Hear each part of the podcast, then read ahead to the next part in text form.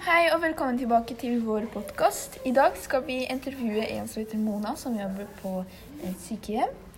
Og eh, så skal vi få vite mer om endringer og ja, endringer i arbeidslivet.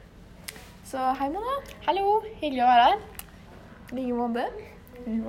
Eh, har noe forandret seg siden du starta helt til nå? Eh, nei, egentlig ikke. Alle apparatene er egentlig de samme.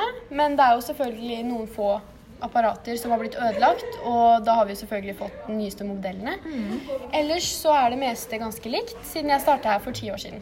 Ja. Er eh, rutinen det samme nå? Eh, vi har noen rutiner som er fastsatte, Ja. som f.eks.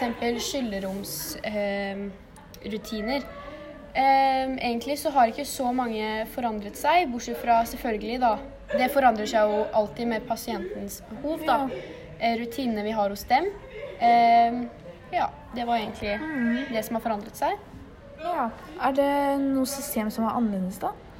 Eh, hele organisasjonen av avdelingen har blitt annerledes, da. Mm. På, på hvilken måte da? Eh, jo, for ti år siden når jeg startet her, så var det tre avdelinger med tre avdelingsledere og en assisterende avdelingsleder på hver avdeling. Eh, for en fire-fem år siden så ble det to avdelinger eh, med en avdelingsleder og to fagsykepleiere da, på hver avdeling. Så det er det som har forandra seg her på huset. Hvordan har dette påvirket dere, da? Eh, det har påvirket oss på litt positive og negative måter.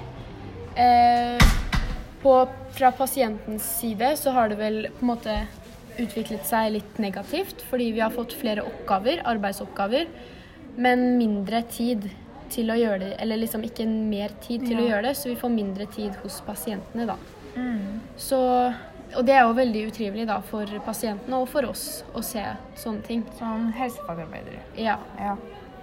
ja. Tusen takk for at du kunne svare på spørsmålene mine. Det Eh, var veldig koselig å ha deg her. Det var veldig koselig at jeg kunne komme, og veldig koselig at eh, sånne ungdommer som dere eh, bryr dere og er engasjert i ja, helse- og sykepleiersektoren. Da.